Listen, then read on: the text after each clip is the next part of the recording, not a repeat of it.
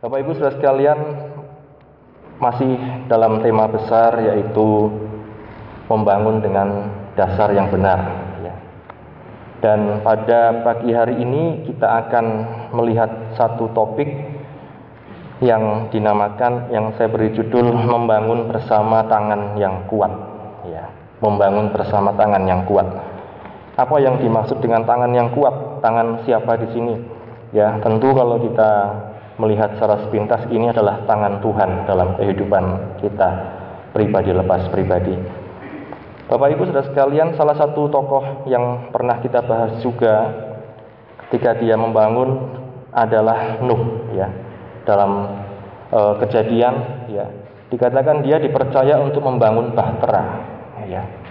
Nuh dikatakan orang yang hidup bergaul dengan Allah. Kita melihat di dalam kejadian pasal 6 ayat yang ke-9.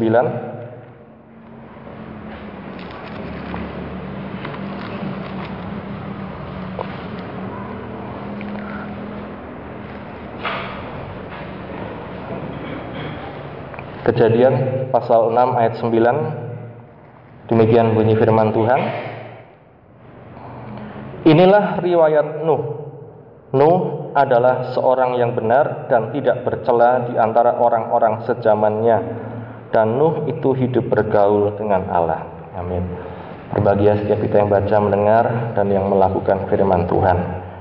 Bapak Ibu Saudara sekalian, ketika Nuh dikatakan dia dipercaya ya membangun sebuah batra yang akan menyelamatkan keluarganya dan mungkin waktu itu rencananya adalah orang-orang di sekitarnya pun Tuhan ingin selamatkan tapi ternyata mereka tidak menerima ya ajakan pemberitaan dari Nuh. Dan kita melihat siapa Nuh ini dijelaskan oleh firman Tuhan, seorang yang benar tidak bercela di antara orang-orang sejamannya dan Nuh itu hidup bergaul dengan Allah ya. Nuh itu hidup bergaul dengan Allah Bapak Ibu Saudara sekalian. Kalau di dalam kita melihat firman Tuhan ya, bergaul dengan Allah seperti apa ya? Kalau dalam slide selanjutnya dalam terjemahan lain ya dikatakan bahwa Nuh itu inilah keturunan Nuh. Nuh adalah orang benar, tidak bercela pada zamannya dan Nuh berjalan dengan Allah. Ya. Bergaul dengan Allah dalam terjemahan lain dikatakan berjalan dengan Allah. Ya, terjemahan Alkitab yang terbuka AYT. Nah, ini Bapak Ibu menjadi satu hal yang patut kita renungkan dalam kehidupan kita sehari-hari, pribadi lepas pribadi. Bagaimana kehidupan kita hari-hari ini dalam kita menghadapi berbagai macam mungkin permasalahan, dalam kita menghadapi berbagai macam tantangan dalam hidup ini. Adakah kita merasakan penyertaan Tuhan di dalam kehidupan kita? Ya. Nuh dikatakan dia hidup berjalan dengan Allah, berjalan dengan Allah. Berjalan dengan Allah itu digambarkan orang yang berjalan bersama-sama, ya. Bukan orang yang satu mendahului yang lain atau dari belakang atau sangat jauh. Seperti yang juga kita lihat dalam kehidupan kita sebagai manusia, sering kali kita menganggap Tuhan itu sangat jauh, ya. Menganggap Tuhan itu di atas sana, ada jarak antara manusia dengan Tuhan, sehingga hubungannya itu sering kali seperti hubungan yang menakutkan. Ya. Orang mungkin datang ke gereja karena bisa ditakut-takuti. Kalau tidak datang nanti tidak diberkati, misalnya. Kalau tidak percaya nanti tidak masuk surga, masuknya neraka, ya dan lain-lain. Sehingga mengalami satu pandangan bahwa hubungan manusia dengan Tuhan itu jauh, berjarak, bahkan menakutkan. Nah, ini Bapak Ibu sudah sekalian hendaknya jangan sampai dalam hidup ini kita mengalami hubungan yang seperti itu dengan Tuhan, menganggap Tuhan itu jauh ya atau berjarak atau menakutkan. Ya. Sebab apa kalau kita melihat Bapak Ibu dalam karya keselamatan yang Tuhan berikan dalam kehidupan kita. Umat Tuhan, umat Kristen itu beda dengan umat lain karena apa? Tuhan yang terlebih dahulu berinisiatif mendahului untuk datang kepada manusia. Jadi Bapak Ibu kalau yang lain manusia mencari-cari Tuhan sampai ketemu. Kalau dalam kehidupan kita sebagai umat Tuhan, anak Tuhan, Kristen dikatakan Tuhan yang mencari manusia. Bahkan manusia itu yang terperosok dalam lumpur dosa, lembah dosa dikatakan ditarik oleh Tuhan ke atas, ya. Jadi Bapak Ibu, ini perbedaannya. Keselamatan dalam Kristen dalam Tuhan Yesus dikatakan Tuhan yang mau menolong manusia. Tuhan yang mau datang untuk menarik manusia bukan manusia yang mencari-cari Tuhan. Ya. Tetapi kita melihat Bapak Ibu Saudara sekalian di sini, apakah kita menyadari hal ini? Bahwa ada satu campur tangan Tuhan yang mau menarik setiap kehidupan kita dari dosa. Ya.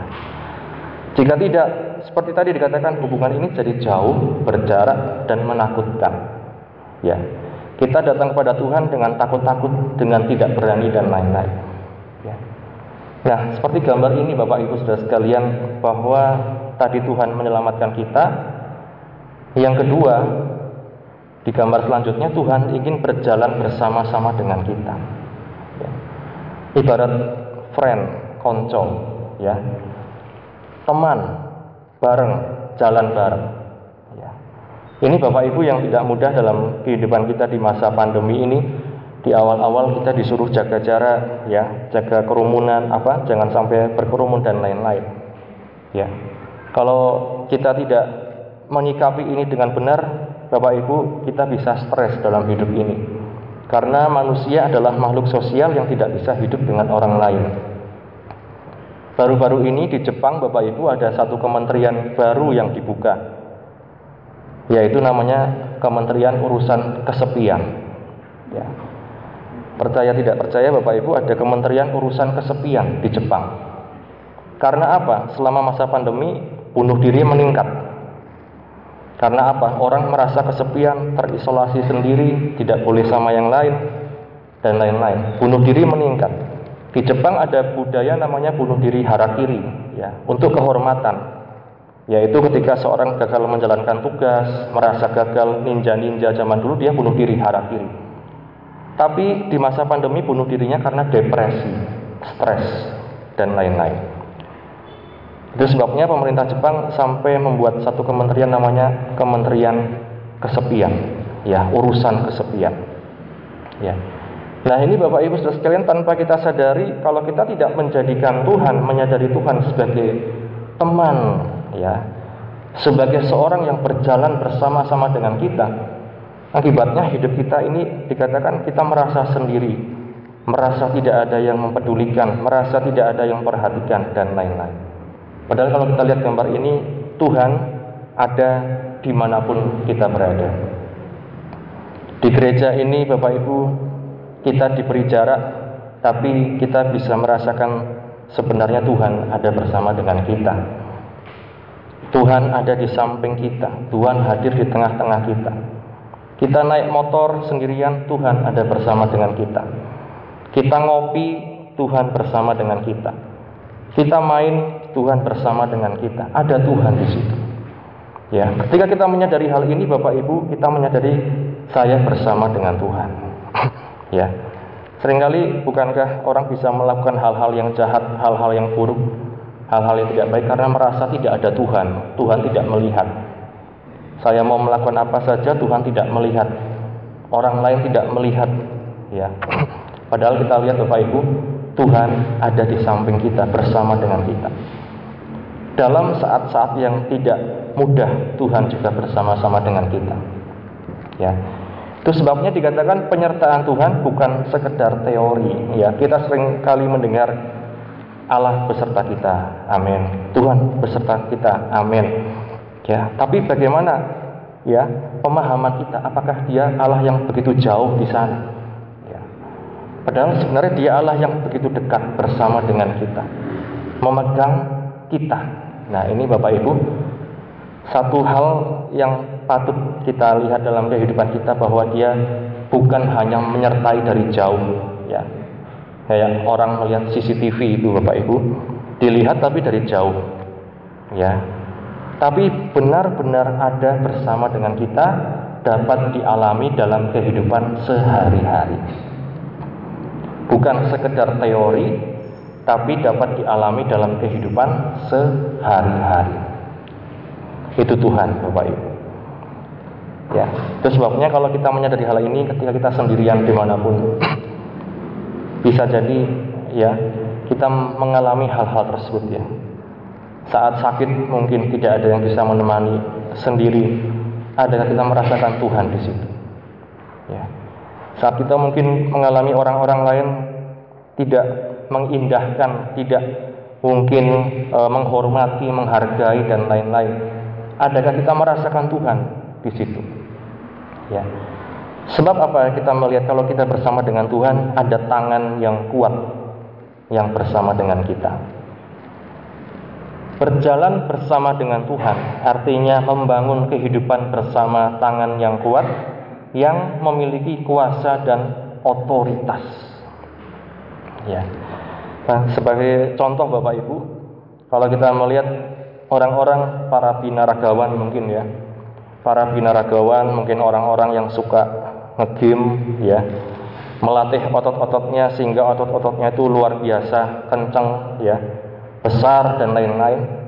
Bandingkan dengan seorang polisi misalnya di lalu lintas ya, bertubuh mungkin ceking kecil tapi dia cuma menggerakkan mungkin di depan mana itu ya terminal mendolo cuma menggerakkan gini saja orang sudah manut ya padahal kecil apa kecil ceking ya. Kalau binaragawan itu yang ada di situ apakah orang manut ya? Ini maksudnya mau razia gitu ya razia ngiri-ngiri razia. Kalau seorang polisi walaupun dia kecil walaupun dia ceking orang akan nurut karena apa? Dia punya kuasa punya otoritas. Tangan yang kuat bukan bicara tentang ototnya hebat ototnya kuat.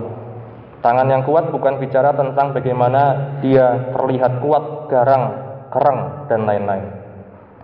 Tangan yang kuat berbicara tentang ada atau tidaknya kuasa di dalam kehidupannya. Makanya Bapak Ibu sudah sekalian orang-orang kuat bisa kalah dengan satu tanda tangan, ya. Kita melihat orang-orang yang di atas sana punya kebijakan hanya dengan tanda tangan sudah semuanya undang-undang bisa terjadi. Orang mau demo seperti apa, ngamuk seperti apa, kuat seperti apa. Hal itu sering kali tidak berhasil menggagalkan hanya tangan yang bisa tanda tangan. Ya. Artinya apa Bapak Ibu sudah sekalian? Dalam kehidupan kita pun jangan sampai kita salah mengandalkan ya. Kita andalkan kekuatan kita, kita pikir kita kuat, padahal ada tangan yang lebih kuat. Ya. Contoh kita melihat dalam Keluaran pasal 5 ayat yang ke-24 Keluaran pasal 5 ayat yang ke-24 Keluaran pasal 5 ayat yang ke-24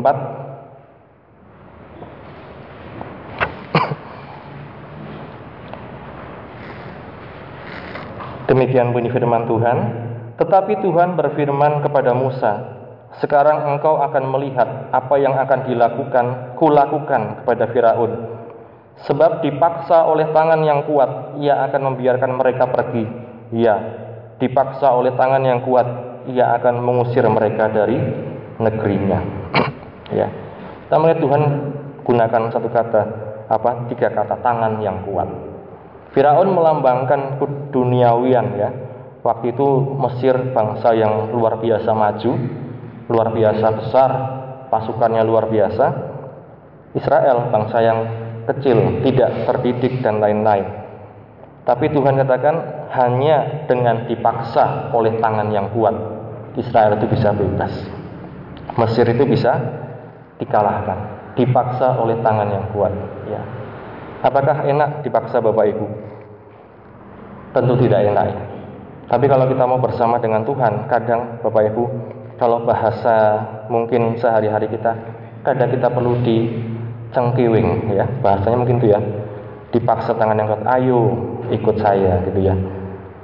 Dia kalau kita menjadikan Tuhan itu sebagai partner dalam hidup kita. Nggak mungkin kita mau ke kiri Tuhan mau ke kanan kita mau lakukan ini Tuhan mau itu. Kadang kita perlu diajak dicengkewing ayo ke sini gitu ya. Yang kedua kita melihat dalam Yehezkiel pasal 3 ayat yang ke-14 Yehezkiel pasal 3 ayat yang ke-14 demikian bunyi firman Tuhan. Yehezkiel 3 ayat yang ke-14 Dan roh itu mengangkat dan membawa aku dan aku pergi dengan hati panas dan dengan perasaan pahit karena kekuasaan Tuhan memaksa aku dengan sangat. Seorang nabi Tuhan namanya Yeskiel. Dia bisa mendengar suara Tuhan, dia dipakai Tuhan. Tapi ketika dalam satu peristiwa dia dibawa satu pengalaman bersama dengan Tuhan, pengalaman yang tidak mengenakkan, pengalaman yang tidak dia suka gitu ya. Dikatakan roh Tuhan itu mengangkat dan membawa aku dan aku pergi dengan hati panas. Ya. Hati panas, perasaan pahit karena kekuasaan Tuhan memaksa aku dengan sangat. Ya, Bapak Ibu Saudara sekalian, seperti apa kita melihat penyertaan Tuhan dalam hidup kita? Ya. Pernahkah kita menyadari ketika hal-hal yang tidak menyenangkan terjadi, hal-hal yang tidak enak itu terjadi, sebenarnya itu adalah cara Tuhan untuk sedang menggiring kita, sedang mengarahkan kita, menuntun kita pada jalan yang benar. Ya. Dikatakan sampai Yeskiel katakan hatiku sampai panas. Ibarat seseorang punya keinginan A, Tuhan katakan B. Ya. Sampai hatinya panas, perasaannya pahit, kekuasaan Tuhan memaksa aku dengan sangat. Ini Bapak Ibu yang makanya dikatakan mengikut Tuhan itu tidak mudah, tidak selalu menyenangkan, tidak selalu enak. Ya. Satu lagi Rasul Paulus katakan dalam kisah Rasul pasal 26 Kisah para Rasul 26 ayat yang ke-14 Kisah para Rasul 26 ayat 14 Kisah para Rasul 26 ayat 14 Demikian bunyi firman Tuhan. Kisah Rasul 26 ayat 14 Kami semua rebah ke tanah dan aku mendengar suatu suara yang mengatakan kepadaku dalam bahasa Ibrani Saulus, Saulus, mengapa engkau menganiaya aku? Sukar bagimu menendang ke galah rangsang Ya, Firman ini pernah saya bawakan sekitar Natal beberapa tahun yang lalu tentang galah rangsang Bapak Ibu. Galah rangsang adalah alat yang dipakai oleh seorang penggembala waktu itu untuk mengatur ya hewan-hewan gembalaannya. Ujungnya ujung bawahnya itu tajam, lancip. Ketika hewan yang buas itu mulai menendang-nendang ke kanan kiri, dia justru menendang galah rangsang itu. Ditendang semakin sakit, ditendang semakin sakit, ditendang malah luka. Itu ketika Paulus menganiaya jemaat Tuhan, Paulus pikir dia lakukan hal yang baik. Paulus pikir dia menyenangkan Tuhan, tetapi ketika dia melakukan itu dikatakan justru dia mengalami apa yang dinamakan menendang kegalah rangsang. Ya. Bapak Ibu Saudara sekalian, kita melihat cara Tuhan mendidik kita itu bisa seperti ini juga pakai galah rangsang ya kita mau apa lepas dari Tuhan kita mau tidak lagi ikut Tuhan tidak lagi setia tapi kembali kita melihat ada satu masalah kembali kita melihat ada satu hal yang membuat kita tidak bisa lari daripada Tuhan ya itulah tangan yang kuat Bapak Ibu sudah sekalian ya nah kita melihat Bapak Ibu bukan hanya mendidik bukan hanya untuk membuat kita tetap berjalan di jalan yang benar. Di slide selanjutnya, tangan yang kuat itu juga mampu mengangkat kita. Ya. Wahyu pasal 3 Wahyu pasal 3 ayat yang ketujuh